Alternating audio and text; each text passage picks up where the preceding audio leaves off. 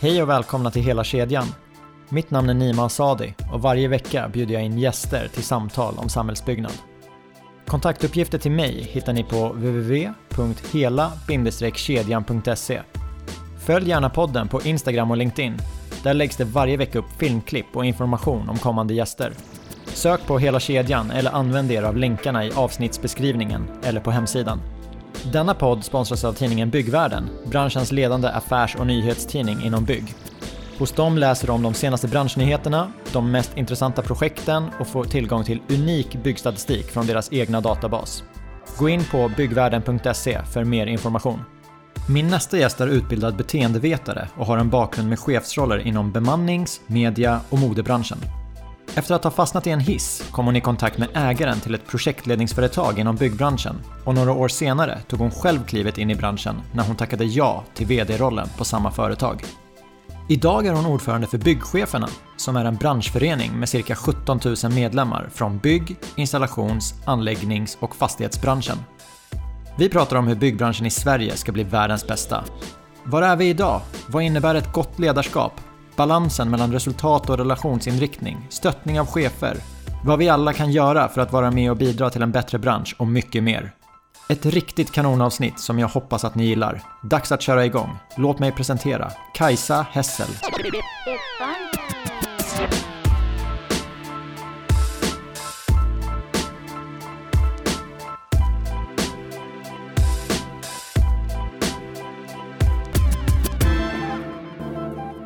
Varmt välkommen till hela kedjan, Kajsa Hessel. Tack så mycket. Ordförande i Byggcheferna. Det stämmer. Och vi är i Byggchefernas lokaler på, vid Fridhemsplan. Ja, ledarnas lokaler där byggcheferna får lov att eh, vara också. Mm. Vi, vi börjar med, eh, med dig. Vem, vem, är, vem är Kajsa? Hur, hur hittade du till den här branschen? Oj, det är, åh, hur långt svar vill du ha? Men, eh, man kan säga att jag hittade hit tack vare en trasig hiss. Mm -hmm. jag är beteendevetare. Eh, jag läste på universitetet beteendevetenskap för att jag är, har alltid varit intresserad av människor. Men jag hade ingen aning om vad jag skulle göra när jag blev stor och det har jag fortfarande inte. Jag har ingen femårsplan.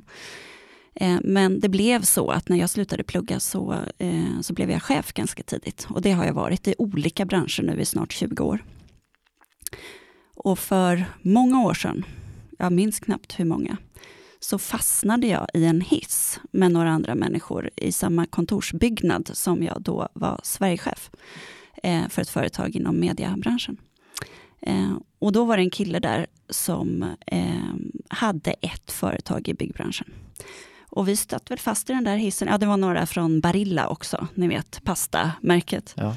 Eh, I 20 minuter eller något, pratade lite med varandra, bytte visitkort. Eh, och sen hörde han av sig eh, och så har vi ätit lunch ihop under åren.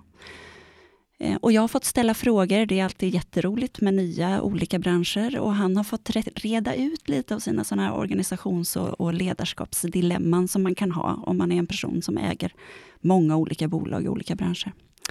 Eh, så det var på en sån lunch som han kom på att jag borde bli VD för ett av hans eh, projektledningsföretag i byggbranschen som heter Projektgaranti. Eh, och det blev jag då i april 2014. Och det var så jag kom in i branschen. Det här med att du blev chef tidigt, var det någonting som du drömde om under när, när du pluggade? Nej. Vad var det som lockade att tacka ja till, till erbjudandet? Nej, det var inte ett direkt erbjudande. När jag kom ut efter mina studier, det var 1997, det är ju gör länge sedan som vi göteborgare säger. Eh, då kom rekryteringsbranschen till Sverige. Innan dess hade vi haft Arbetsförmedlingen, de hade haft monopol på, eh, på att eh, hitta jobb till de som behöver ett jobb. Eh, men då kom Manpower och Proffice och Polia, många av de här finns ju kvar. och då behövdes en himla massa människor som, eh, som tyckte det var roligt med människor och som ville jobba med rekrytering och bedömning och så. Så jag sögs in i ett litet eh, headhuntingbolag som var precis nystartat. Det var tre killar, eh, de var 33 års åldern och jag tyckte de var urgamla. som hade bestämt sig för att dra igång det där och de hade en lite speciell affärsidé. Eh, så att jag fick vara med och bygga upp det. Och efter att eh, det hade gått väldigt bra för oss en period så behövde vi växa. Och, eh, och, ja, och då blev jag chef. Alltså, det, var, det var inte riktigt så att vi hade titlar och funderingar kring det, utan det var sånt som hände allt eftersom vi utvecklade verksamheten. Så på den vägen är det. Men jag tänker när man pluggar till beteendevetare, det handlar väl om människor. Mm. Då kanske ett naturligt steg är att nej men jag vill ju bli ledare så att jag kan tillämpa den här teorin. Men det var inte någonting som, som drev dig att snabbt få ledarroller? Eller? Nej, men när jag ser tillbaka så har jag väl alltid varit någon form av projektledare eller tyckt om att få vara med och påverka och, och få människor att eh, må bra och prestera tillsammans. Så, att, eh, så att det var väl kul. Men annars, med den utbildningen som jag gick, eh, så var det de flesta av mina kompisar eh, under studierna, de jobbar på personalavdelningar idag. Som HR-chefer eller mera specialister. Och du fick ett erbjudande om att ta steget in i byggbranschen och bli vd för ett projektledningsföretag. Vad var det som lockade dig till att säga ja? Eh, alltså det är ju den här nyfikenheten. Eh, det, det kändes ju helt okänt på många sätt. Precis då, när jag fick den här frågan, då var jag i modebranschen och jobbade med ett litet svenskt klädmärke och försökte hjälpa dem att expandera kommersiellt eh, i världen. Och det var jätteroligt, men det var väldigt svårt att försörja sig eh, i den branschen. Så att jag kände att ja, men en vd-roll på ett relativt litet bolag, vi var väl ungefär 30 personer då. Det kändes som att det, det, är ett jobb jag kan hantera. Jag hade också varit i konsultbranschen innan, som konsultaffär. Det klarar jag väl. Och sen bara, ja, ny bransch, hur svårt kan det vara? och jag minns att det, ja, jag tänkte inte så mycket mer än så på det förrän jag kommer in första dagen, det var första april. Och det brukar medarbetarna då i efterhand säga så här, du kom in som ett aprilskämt från, från modebranschen. Det var inte så himla, himla lätt att, att känna stort eh, förtroende för den nya vdn. Det, det kan man ju förstå. Fem år in i byggbranschen, hur, hur väl stämde tankarna innan du klev på med erfarenheterna du har idag? Både och.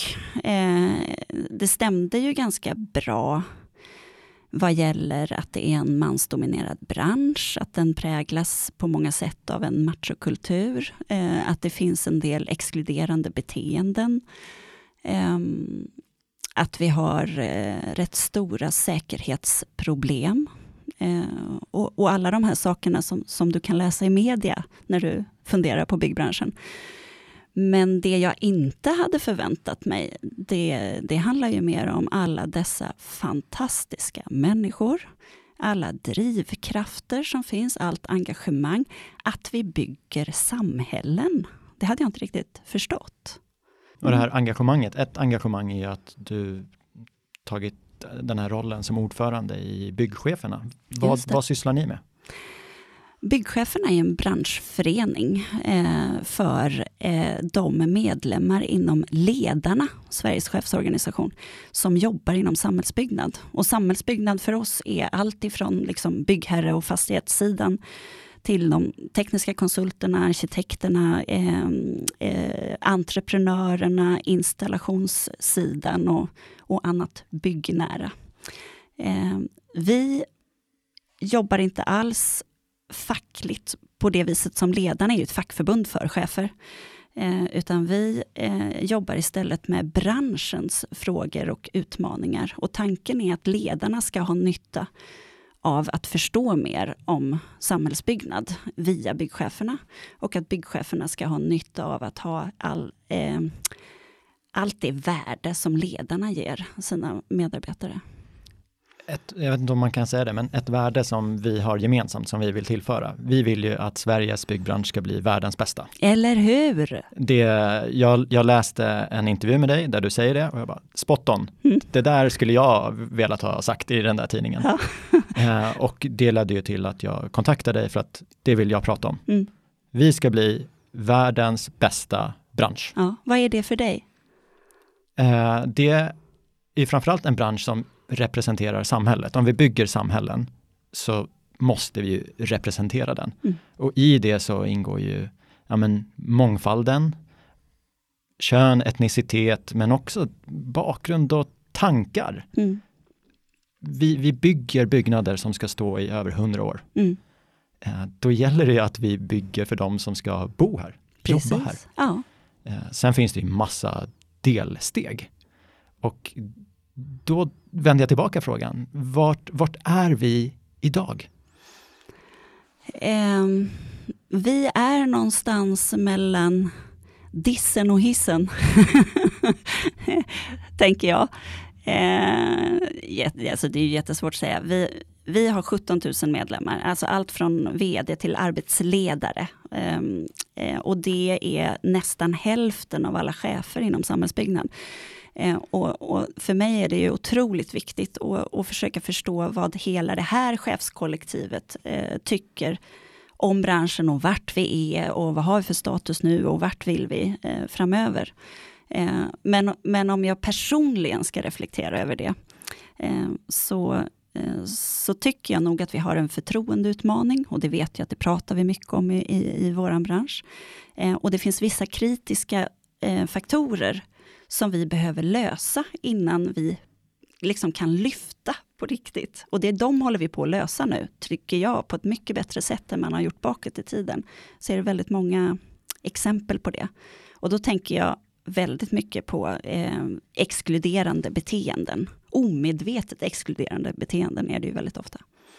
Om vi försöker bryta ner det lite, så tar vi Kajsas vision. Mm.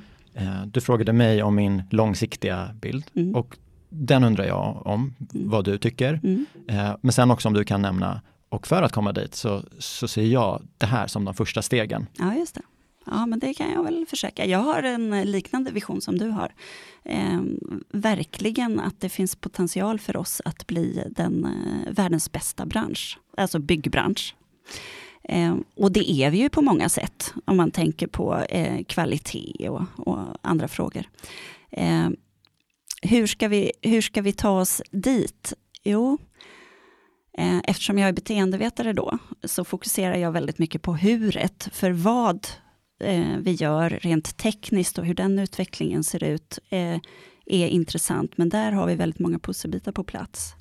Ehm, men hur vi gör, alltså hur vi jobbar med våra chefer och ledare för att få en bra bransch, hur vi säkrar vilken kompetens som vi ska ha framåt.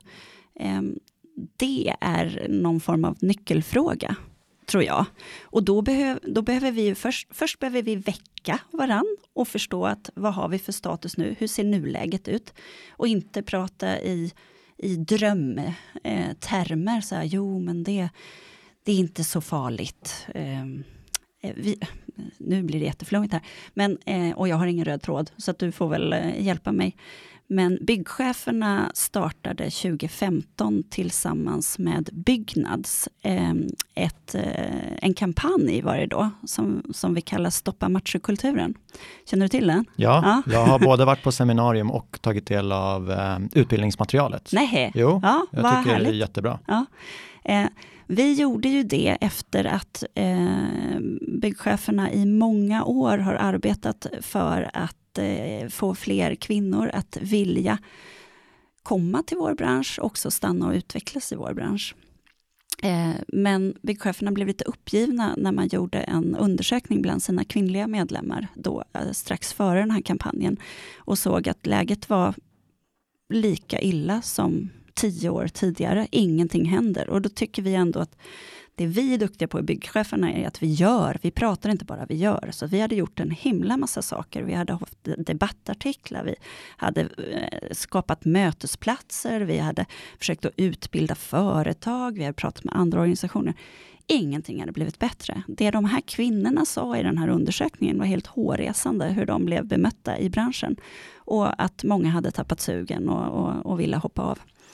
Så då bestämde vi oss för att nu måste vi väcka. Nu måste vi liksom på något sätt få ut att hallå, titta här, eh, så här är det. Vi behöver börja från det här läget där vi faktiskt är. Eh, vilket resulterade i att vi grävde djupt bland alla resurser vi hade, eh, både Byggnads och, eh, och vi byggcheferna. Och eh, satte stortavlor på stan och spelade in filmer, bland annat en som vi fortfarande eh, visas väldigt mycket, som handlar om barn som faktiskt står och säger det här som kvinnorna i undersökningen vi gjorde hade fått höra. Den är eh, otroligt stark. Den är de ju filmerna det. jag har sett, det, det, är, det är svårt. Det känns, det känns bara fel. Ja, det, ja, det gör det ju också. Och det, det, var, ehm, eh, det var känsligt att göra den också. Jag brukar säga det att föräldrarna var med och vi hade mycket snack eh, med barnen under tiden. Eh, men den här filmen har ju visats minst lika många gånger som det finns människor i byggbranschen. Eh, och jag fick faktiskt höra här i januari när jag höll en föreläsning Eh, för eh, några av branschens ledare i Västsverige att eh, på NCCs projekt i Göteborg så får du alltid en säkerhetsgenomgång när du för första gången kommer in på bygget. Och så visar de filmen. Det gör de. För alla innan de går in. Det är helt fantastiskt. Då har vi kommit någon vart. Men det jag skulle säga var att vi försökte väcka branschen genom att vara provocerande. Vi var medvetet väldigt provocerande och vi fick ganska mycket negativ kritik för det där i början så här, tvätta inte våran byk offentligt och kan det verkligen vara så här illa och nej, det där var nog på 90-talet. Och fick vi höra, vilket gjorde att dörrar stängdes lite grann för oss. Eh, sen kom metoo, hösten 2017 är vi på då. Och då bara det vände, för att då började alla de här människorna höra av sig till oss och säga kom och utbilda oss, ni som har jobbat så länge med de här frågorna. Eh, kan ni berätta hur man gör? Eh, så att vi har fått en skjuts. Det är, alltså, det är därför jag säger vi är mitt mellan hissen och dissen. Alltså, vi har verkligen en förändringsvilja vad gäller de här frågorna just nu, eh, upplever jag. Ja, jag kan ju relatera till det du säger och mycket är ju utbildning. Jag med, vissa saker, om man säger dumma saker, visst, men det, det kan man ju kanske stoppa med att säga till och dåligt. Men vissa eh, moment som mm. utförs på arbetsplatsen, eh, man använder ju inte den korrekta benämningen för dem. När du tätar under bjälklag med plankor, det kallas kärringar. Mm. Just det. Eh, och det, det, finns fler exempel. Jag hade mm. något i huvudet som, just det, stämp, kallas turkar. Eh, jag vet ju inte vad... Varför då? Det har ju hängt med sedan jättelänge. Jag minns när jag satt på min första arbetsberedning och någon sa, ja ah, men det där, eh, vi tar hit några turkar som fixar det där. Jag trodde att de menade att vi skulle ta hit utländsk arbetskraft ja. och tyckte inte alls att det lät bra. Eh, vågade ta till mig modet och va, nej men hur menar du där? Ja. Det är klart vi ska göra det här själv. Ja. Nej men det, det är sån här stämp. Men jag vet ju inte vad den korrekta benämningen är för det än idag. Sen har jag ju lärt mig massa andra saker som var för grova. Men det är en utbildningsfråga, både i skolan, byggprogrammet, men också alla arbetsledare och produktionsledning. Mm. Det här var ingenting jag lärde mig på KTH. Nej. Det här måste arbetsgivarna eh, lära ut. Och då gäller det ju att arbetsgivarna förstår varför det är ett problem. Eh, och det är inte så lätt, för om du har varit i byggbranschen hela ditt liv, eh, jobbat med människor eh, som är väldigt lika dig som person, eh, vita män ofta, födda i Sverige i generationer, eh, då, eh, då är du i en kultur som, eh, och, som är väldigt svår att ta på. Och det är ju detta vi kan göra stor skillnad eh, genom att bara uppmärksamma, precis som du gjorde nu. Varför använder vi de här två orden? Ja, just det, varför använder vi dem? Det är inte klokt egentligen. Men det är inte förrän någon påpekar det och tar upp det på ett konstruktivt sätt som vi kan få en förändring. För det värsta som händer är ju eh, när vi känner oss provocerade eller rädda eller hotade i vår roll. Alltså att vi känner att eh, eh, vi gör för mycket fel. Då får vi ingen förändringsprocess. Och det, det är också där med den här stoppa machokulturen. Vi, vi började med att provocera eh, och verkligen tala om att så här illa är det, för att vi skulle få en grund för samtalen. Men fasen som vi är i nu handlar ju mycket mer om att inspirera. Eh, alltså här, eh, nu har vi också skapat en massa verktyg för att man ska kunna utbilda sig i det här. Antingen kan du ladda ner något från, från vår kunskapsportal och ha ett snack med dina kompisar på fikarasten. Eller så kan man eh, ta del av eh, presentationer så att man kan hålla en föreläsning. Eller så kan man höra av sig och få en, någon från byggcheferna att komma och, och, och prata om de här sakerna. Alltså, vi jobbar verkligen med kunskapsspridning och utbildning. Men vi jobbar också nu med goda exempel, för att det är ju en sak att förstå att jag inte ska, ska kalla de här momenten för något nedsättande som någon kan må dåligt av. Eh, men det är ju en annan sak att förstå, vad ska jag göra istället då? Den diskussionen har jag, haft på projektgaranti, där jag har varit VD länge, där vi har sagt att oh, men lite skämt får man tåla, får, får vi ju höra ganska ofta. Eh, ja, det blir så här, jag menar inget illa med, med nej, det jag säger. Men... Och jag menar, om hon, om hon blir sårad, då kan hon väl bara komma och snacka med mig, så, så reder vi ut det. Och det, det är inte illa menat, det tror jag inte. Men vi pratar om att vi måste kunna skämta om andra saker som är minst lika roligt, men som inte har att göra med hur olika vi är varann. Egentligen. Ja. Och då får vi ju hitta den typen av skämt. Alltså för att vi kan inte bara ta bort något, vi måste ju ändå få leva i en kultur där vi känner ja, att livet är härligt. Ja, men jag kan tänka mig att om man tillhör majoriteten på byggarbetsplatsen, om det är vita män, mm. Eh, då, då är livet mycket lättare också. Det är, mm. När du är en minoritet, det är inte självklart att du ska våga säga ifrån. Nej. Du vet inte vad det får för konsekvenser. Verkligen inte. Och, det, och det, det är ju där vi alla har ett stort ansvar. Egentligen är, är, är det ju de som representerar normen som har mest eh, ansvar här. Att verkligen stå upp och säga, hallå det där var inte ett schysst beteende. Och vi har ju väldigt många sådana i vår bransch nu som har vaknat vad gäller de här frågorna. Eh, och varför är det viktigt? Det är ju inte bara liksom viktigt för att det är grundläggande mänskliga rättigheter, att, att vi ska eh, kunna vara oss själva liksom på jobbet och, och, hemma. Utan det är ju viktigt för att vi har en bransch som behöver attrahera massor av kompetens. Och om, om inte folk, ja det här vet ju du, jag behöver inte berätta det för dig. men, men, men, det är ju det, det här handlar ju om lönsamhet för oss. Det handlar om tillväxt, det handlar om innovation. Eh, du ska inte stå där någon gång på gymnasienivå och tänka, ska jag gå in i gamingindustrin eller, eller eh, eh för att bygg kan man inte vara. Utan vi måste ju också förstå att de absolut coolaste jobben, de finns ju hos oss. Ja, men mina erfarenheter, jag har pratat med kloka människor, att om vi ska bli en modern bransch, då är det inte bara machokulturen, utan är, vi måste ju, digitaliseringen, ta till oss den, uh -huh. visa på effektivt byggande, uh -huh. eh, mångfalden. Uh -huh. Så, så det är fler saker som, som vi verkligen behöver göra. Så machokulturen, det ska ju vara så här, det, det ska vi bara lösa. Ja, exakt. Ja, det, det, tycker man ju. Eh, och, och, och det här är en viktig fråga, för att för mig handlar allt det du sa nu om ledarskap. Att ha rätt ledarskap, att ha bra ledare, påklädda ledare, trygga ledare i vår bransch. Har vi det, då, då, då är det lugnt. Vad får du för reaktion från era medlemmar när du talar om det här? Eh, så här är det, jag, eh, jag skickar ett mejl till alla våra medlemmar klockan halv sju varje måndag morgon. Eh, så personligt från mig. För så har jag alltid jobbat i mina chefsjobb och så tänkte jag så här, hur ska jag ta mig an det här nu när det är 17 000 människor utspridda över hela landet som jag typ aldrig träffar. Och jag ska ändå försöka ta något ledarskap i det här. Ja, nej, jag får bomba ner dem med, med mejl.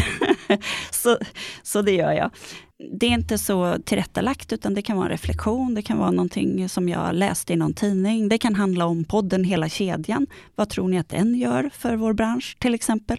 Har jag inte skrivit om än, men det får jag göra nu då, ja. när jag säger det till dig. Ser fram emot. eh, och det vet man ju själv när du, när du är där i ditt jobb. Du får ju hundra, alltså mejlen rasar ju bara in, man orkar inte läsa allting. Så jag tänkte, jag vet inte hur stor skillnad det här gör.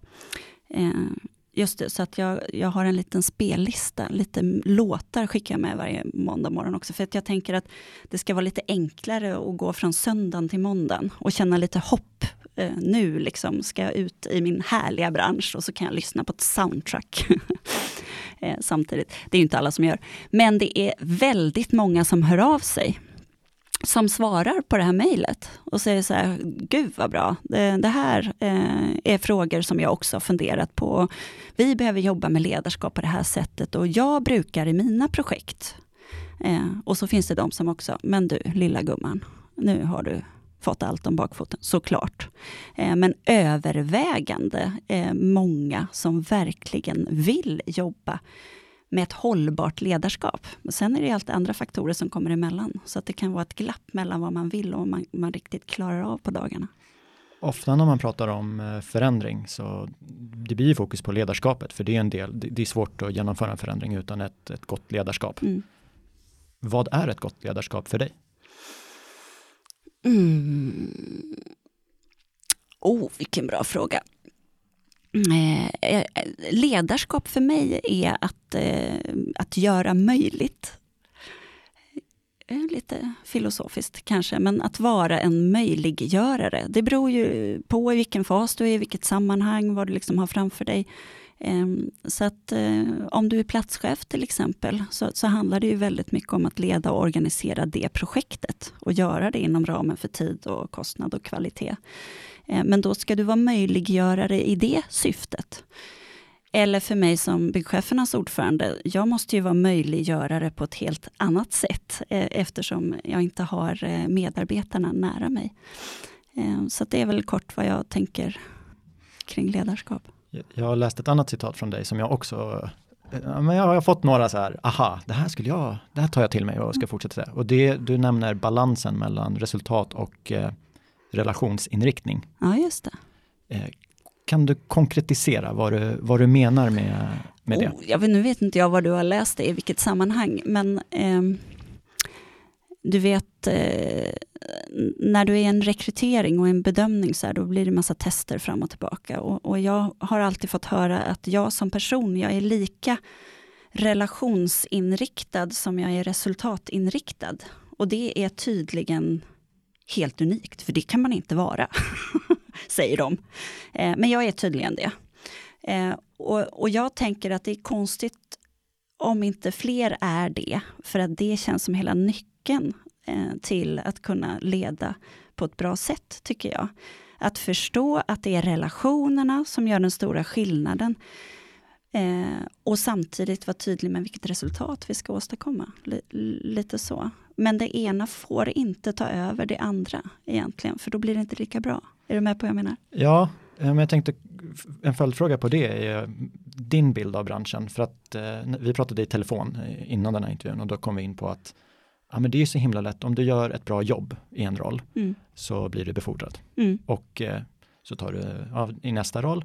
Men sen helt plötsligt kan det ju gå från att inte ha personalansvar till att få personalansvar. Trots att det är inte de tecknen du har visat. Nej. Du, du har varit riktigt bra på att leverera. Mm. Hur vanligt är det här fenomenet i vår bransch, anser du? Och vad, vad ser vi för trend när du pratar med, med ledare och rekryterare? Ser, ser de någon, någon skillnad? Att ja, men byggbranschen har börjat eh, förändra mindsetet i ledarrekrytering? Ja, det hade ju varit härligt att kunna säga, men, men det eh, har jag inte hört någon som har sagt än och jag vet inte hur, hur vanligt, det, vanligt det är. Men, men det är ju också så här att om du är riktigt bra på någonting, specialistbra, så vill du ju också ha en karriärmöjlighet. Och idag skapar vi alldeles för få karriärmöjligheter för specialister. Det som är bra i vår bransch är att eh, att du kan jobba i så många olika projekt, så att du kan få din egen personliga utveckling. För att just det här är mycket mer installationsintensivt och det tycker jag är jättespännande, eller vad det nu kan vara. Eh, så att jag tänker att det borde finnas fog för att säga att vi har lite fler karriärmöjligheter för specialister. Men generalfelet som, som vi som är rekryterande chefer gör ofta, det är ju att vi tänker, att den här medarbetaren är så otroligt bra, jag vill inte förlora den. Nu måste jag bara se till och, och, och ge den något så att den stannar ett tag till. Vi har ju haft en sån kompetensbrist också under ett, en lång period. Eh, och då är det lätt hänt att man befordrar någon till sin inkompetens, eh, såklart. Den här kompetensbristen, den går ju lite ihop med attraktivitet. Alltså mm. Kan vi attrahera fler att, att plugga till det här, att ta steget, så så kanske vi kan klara oss. Mm. Jag pratade med Katarina Elmsäter-Svärd, hon var inne på att ja, det är resursbrist idag, det, det blir inte bättre, vi har ju pensionsavgångar också. Just det. Vad kan byggcheferna göra för att öka attraktionskraften? Jag menar, ni når ju ut till hälften av alla byggchefer. Mm. Va, ja, exakt. Va, vad säger ni det är ju värsta potentialen, ja. eller hur? Ja, Tänk om det. vi kan få dem att ta ett steg framåt varje dag i, i de här frågorna, så har vi ju snart eh, världens bästa bransch. eh, så att det jobbar vi ju på på många olika sätt. Sen är det så, det finns ju inte en, en universal metod, för att alla, alla är ju inte intresserade av samma sak. Eh, men, äh, men jag, jag har en vild idé som jag försökt lansera i lite olika forum nu, så du kan ju få den också. Tänk om vi fick Netflix eller HBO eller eh, eh, ja, något åt det hållet och göra en riktigt cool byggdeckare. Alltså en riktigt cool bygg, en samhällsbyggnad. Det ska vara så att man verkligen förstår vad det är för häftiga jobb vi har. Jag till exempel, jag vill ju bli advokat när Ally McBeal kom på ja, 90-talet. Nu mm. är du lite för ung för det antagligen. Ja, jag kollade på Boston Legal och kände ja. samma sak. Ja, mm. det är alltså att få någon amerikan är det ju ofta då, och identifiera sig med i den åldern när du är så påverkbar. Det kommer göra stor skillnad tror jag. Och så har vi skojat lite om i byggchefernas styrelse att, att den ska heta Spiken i kistan. Ah. Nej. Du skickar en länk till Netflix. Nej, men för jag tänker, jag, jag tänker att eh, vi måste påverka eh, ungdomarna på ett sätt som, som de eh, vill ta till sig. Det, det, det, finns många vägar att gå, men, men eh, ja, vi behöver tänka lite nytt där också. Du var inne på potential, byggchefernas potential att nå ut till chefer. En, en potential som varje chef har, det är ju att kunna påverka, inspirera och göra något meningsfullt och tillföra värde. Mm. Också ditt citat. Jaha, jag bara, ja, det, det låter bra. Mycket låter bra, från Kajsa. Följ henne på sociala medier. eh, av de här cheferna du träffar, mm. hur många uppfyller alla de kriterierna? Typ alla innerst inne, skulle jag säga. Nu ser du helt skeptisk ja, ut. Nej men eh, jag, jag eh, vi vill ju alla bli sedda, hörda och bekräftade, även chefer. Eh, vi vill alla förstå att vi kan göra skillnad. Att vi är något större, att vi är en pusselbit i något större, att det finns en mening, vårt why som man pratar om så, så mycket nu för tiden. Eh, men i vår bransch så eh, hissar vi inte varann på det viset särskilt ofta. Nästan tvärtom upplever jag eh, i, i, många av våra verksamheter. Att vi är sådär, nej men det där är inte rätt och, och, du är för ung så du har ingen erfarenhet. Eller, alltså, vi har lärt oss att vi ska slå på varann Eh, för att komma framåt i projekten många gånger. Eh, och tittar du på all forskning så är det fullständigt åt skogen. Alltså, vi ska ju göra tvärtom. Vi ska, egentligen ska vi strunta lite grann i varandras svagheter och så ska vi fokusera på det som är styrkor och så ska vi hjälpa varandra, bekräfta varandra där. För det är då vi kommer lyfta. Ehm, så att jag tänkte, ja, vad var din fråga från början? Hur, hur, är, alla, är alla chefer inom samhällsbyggnad världens bästa chefer? Eh, svar nej. Men alla har potential att bli det, det tror jag absolut. åtminstone komma så långt att man förstår att ja, men chef, det är inte min grej kanske. Jag kan ta som exempel, när, jag har jobbat tillsammans med, med massa projektledare på projektgaranti. Otroligt erfarna projektledare som har drivit de stora projekten i Stockholm och Göteborg i, i lång tid. Eh, och jag kom in i det här gänget, ingenjörer, högutbildade förstås. Eh, och upptäckte efter att jag hade fått vara med i deras verklighet eh, i ett antal månader att de trodde inte att de hade någon påverkan överhuvudtaget. Nu hårdrar jag det lite. Men alltså, ja, men som projektledare så ska jag vara tekniskt eh, kunnig, jag ska vara juridiskt kunnig, förstå alla regelverken och sen så ska jag ha råkoll på ekonomin. Alltså det är ju det, är ju jag som, det, det är ju det jag måste göra för min beställares skull. jag bara, ja, fast ledarskapet. Eller när du är med vid ett möte där man pratar om hur vi ska bygga ett kvarter och du har funderingar kring social hållbarhet. Hur blir det här då mellan människor? Då kan ju du tala om det i det mötet. Nej, det är inte min roll, sa mina projektledare då. Och det där är, tror jag, alltså det här handlar ju om att plocka fram hos varandra och säga, men jag har möjlighet att påverka i de här situationerna. Jag är inte experten, men vi måste bygga utifrån de här värderingarna. Så om inte jag säger någonting där, så kanske de missar det. Är du med på? Ja, men jag tänker samma. Vi har ju team för att vi ska bidra med olika saker. Ja. Och eh, projektledaren, så jag ska ju bidra till att teamet eh, fungerar. Verkligen. Och visst, jag, jag, jag, hänger också med på det här sakkunskap kontra ledarskap. Man ska uh, ha alla svaren och ha koll på ekonomin. Men det har ju också utvecklats. Det har jag sagt förut i poddserien att eh, med min smartphone idag mm. har jag tillgänglig information från hela världen. Det hade jag inte för tio år sedan. För tio år sedan som chef var jag tvungen att ha väldigt många svar. Mm, så är det. Inte på samma sätt idag. Nej. Idag ska, min, ska jag vara jätteduktig på att inspirera dig, få dig att jobba tillsammans med Gurra. Och tillsammans så ska ni komma överens om vad är utmaningen, hur löser vi den på bästa sätt. Mm. Vilket leder mig in på Boverkets rapport, mm. som jag faktiskt lyssnade på den podden när Mats Sjöqvist var här, som, som är en av rapportförfattarna, och ni pratade om. Nu hann jag inte med de sista 20 minuterna, för det var ett långt samtal, det var en timme och 20 minuter tror jag. Eh, men inte en gång på den första timmen pratar ni om ledarskap. Men det ni pratar om är rapportens slutsatser, vilket är tidsbrister. Alltså det här handlar ju om skador och alltså, hur mycket kostar det samhället att vi inte gör rätt från början? Ungefär så, ja. i våra byggprojekt. Och det kostar mellan 55 och 111 miljarder. Det handlar alltså om året, vilket motsvarar 11 000 nya bostäder om året, om vi skulle kunna använda de pengarna på det stället. Det är miljoner om dagen det här är en rapport som borde, liksom, vi borde just bara stå och skrika kring den, tycker jag, i vår bransch. Och den kom i december och vad sitter vi här nu i maj? Och vi har fortfarande inte fått någon rull på den här frågan. Alltså jag blir så frustrerad. Men det jag skulle säga var, det här om ledarskapet. Tidsbrister, det identifierar man. Eh, brister i motivation. Brister i erfarenhetsåterföring. Eh, det är någon mer. Brister i organisering. Det är de fyra liksom, takeawaysen de har. Det är detta som gör att vi spenderar 100 miljarder mer om året. Vad har de gemensamt? Det är ledarskap.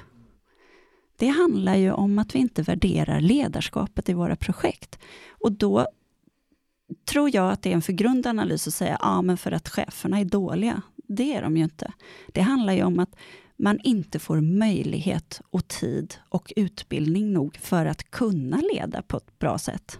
För att du ska ha den här jäkla rapporteringen, för att du, du måste kunna en sån himla massa saker och så vidare. Och så vidare. Ja, men jag, jag håller med. Ledarskapet och så vad är kopplat till det? Jo, men kommunikationen och alltså, vem, vem ansvarar för, för helheten? För det var också väldigt otydligt. Ja. Och det som är intressant är att de byggchefer jag har pratat med, så, ja, men kolla det är över 100 miljarder. Ja men det stämmer nog. Det är säkert 30 procent i, i, mitt projekt. Ja. Men vad, vad, gör vi åt det? Ja. ja men det är som det är. Ja. Ja, ja, så kan vi nog inte fortsätta hur Nej. länge som helst. Nej, eh, men, och jag tror att, eh, att, eh, att detta är precis så man känner sig, lite uppgiven. Liksom, ja men vad, vad, vad, kan, vad kan jag göra? Jag får jobba på som vanligt. Vi, må, vi måste liksom uh, hitta den här peppen tillsammans. Det, får ni den reaktionen från era medlemmar? För jag antar att de kan vända sig till er för att få stöttning. Mm. Och, eh, du nämnde så här, men man, vi ska hissa varandra. Mm. Eh, vad, vad kommer de in med för, vad vill de ha stöttning med? Eh, de vill ha någon som lyssnar mest, tror jag. Eh, är det mycket. Till exempel när jag i ett av mina måndagsmail skrev om Boverkets rapport eh, och verkligen frustrerat. Jag försöker ju inte skrika och gapa i de här mejlen för att det är en måndagmorgon ändå. Man ska ju må bra på jobbet hela veckan. Men jag kunde inte låta bli. Jag bara, det här är inte klokt. Jag skäms. Alltså jag skäms för våran bransch. Nu får vi, det här, det här är vårt ansvar att göra någonting åt. Eh, och jag fick så mycket telefonsamtal och mejl av eh, medlemmar som bara ja, du har helt rätt. Och någon som säger eh, jag har verkligen funderat på det här. Vad är det som gör att vissa projekt lyckas eller inte? Och den minsta gemensamma eh, nämnaren under alla de här åren som, som jag har eh, varit med har varit att det har funnits en stor pappa, skrev han med citattecken, för det är ju ofta män som är chefer, i de här projekten. Och med det menar han då någon som liksom tar hand om teamet och visar vägen och, och sådär. Ja, och jag har fått massa massa olika idéer och tankar kring hur vi kan bli bättre tillsammans på de här frågorna. Och hur, hur tänker du att du ska ta, jag antar att byggcheferna kommer inte släppa den här rapporten. Hur, hur, ska ni ta den, det arbetet vidare? Eh, så jag, jag tar gärna all möjlig input på det, för att det är svårt eftersom jag inte kan peka med hela handen och få en himla massa människor att göra som jag vill. eh, men vad jag har gjort, var, för det första när jag läste rapporten i januari, tror jag det var, eh, som jag upptäckte att den fanns. Då hörde jag av mig till Boverkets generaldirektör Anders Självgren och så sa jag, alltså du jag har läst den här rapporten, det står inte ett enda ord om ledarskap. Vi måste prata om det här, för för mig så är det det det handlar om. Och då sa han, vad intressant, välkommen på ett möte. Eh, och då kände jag lite så här, rapporten är på 300 sidor och jag hade ju inte läst hela. så då fick jag läsa hela innan jag gick på möte med honom. Och då pratade vi om det här eh, och då säger Boverket att detta är ett jätteintressant perspektiv som vi nog inte har tagit tillvara tillräckligt i den här rapporten. Så därför så ordnar man nu eh, seminarier för branschen och så för att prata om det på det sättet. Bland annat ett i nästa vecka där jag ska vara med. Vet du vad som är bra med det exemplet? Nej. I den här branschen är vi bäst tillsammans. Ja. Vi, det, vi är bra på att peka på varandra, ja. eh, men det är när vi pekar på oss själva Precis. Då blir det så himla mycket bättre. Ja. Och det här funkar ju när fler tänker så. Ja. Men eh, jag märkte att som grupp, alltså om det är någon yrkesgrupp som säger så här, nej men vi är perfekta, det är alla andra, då, då rasar. Men vet du, det, det, värsta är, tycker jag, som har varit med och, och lett så många ledningsgrupper i olika branscher, det är så vi gör. Alltså det är så många gånger som jag kommer ny till en ledningsgrupp och det enda jag hör på mötena är så här, äh, men alltså ni vet, det är ju de där konkurrenterna som är, och, och sen så är det den där avdelningen. Det är alltid någons fel som är utanför rummet. Så då behöver man börja där och säga att det är jättebra, men vet ni vad psykologerna säger? Det går inte att förändra någon annan än sig själv. Jag tänkte det, det är väl roligare att jobba med sig själv, för där kan styr man ju allt. Ja, precis, det kan man ju tycka, men det är inte roligt, det är skrämmande. Och vi vill inte bli rädda, det är liksom det värsta som finns. Jag läste någonstans att män tycker att det läskigaste i livet är att någon skrattar åt en. På tal om något helt annat. Och kvinnor tycker det läskigaste i livet är att, att bli utsatt för våld. lite, lite skillnad. Ja, verkligen. Kajsa, vi börjar närma oss slutet på det här avsnittet. Jag skulle vilja prata om Lars Bergqvist-stipendiet innan vi ja, avslutar. Vad fint. Mm. Lars Bergqvist, han var ordförande i Byggcheferna i 30 år innan jag tog över nu för eh, ett och ett halvt år sedan. Eh, och han har eh, varit den i vår bransch, alltså han är uppvuxen i branschen kan man säga. Eh, jobbat större delen av sin karriär på NCC i olika roller. Eh, han är ju den som har stått med armarna i kors och sagt att det är mitt fel eh, att branschen ser ut som den gör. Han, han, menar att det är män som jag som behöver förändras för att vi ska få en annan kultur. Och han har jobbat så intensivt och ihärdigt med både mångfalds och jämställdhetsfrågor. Vilket är hela anledningen till att, att byggchefernas styrelse är vi ju, eh, det, det är en jämställd styrelse. Eh, för att han systematiskt har jobbat för att hitta kvinnor som vill driva de här frågorna. Så vi, eh, vi, när han skulle gå i pension Eh, och en ny styrelse skulle väljas, så bestämde vi oss för att vi ville minnas eh, hans arbete. Och inte bara minnas, utan vi ville försöka hitta ett sätt så att framtida styrelser också har mångfalds och jämställdhetsfrågan högst på agendan. Eh, så då skapade vi en stiftelse så att vi sätter av lite grann av byggchefernas medel varje år till stiftelsen som heter Lars Bergqvist stiftelse. Och så är det meningen att man ska kunna eh, söka pengar därur om man vill göra något eller redan har gjort något som ökar mångfalden och jämställdheten i vårt samhälle. Men starta aldrig en stiftelse. Det tog ett år ungefär för oss att bara få igång den. Det är så mycket dokumentation. Men nu är den där, så att nu kommer det vara minst lika svårt att, att montera ner den igen och det var ju liksom hela poängen. Det låter jättebra. Mer mm. sånt. Ja. Det, förändring är ju blir ju lite lättare när, när fler är på. Det blir mer energi. Ja, precis. Och får jag eh, passa på att göra lite reklam då. Den som får stipendiet, det första stipendiet från den här stiftelsen, kommer att få det på eh, Samhällsbyggardagarna, som är den första och andra oktober. Ja, och mm. jag kommer vara där. Ja, men då så. Ja, ja. Du också? Ja, självklart. Ja. Mm. Vill ni träffa mig och Kajsa så ses vi på Samhällsbyggardagarna. Det gör vi. Eh, tack Kajsa för att uh, du var med här idag. Tack för att jag fick vara med. Hej då! Hej då!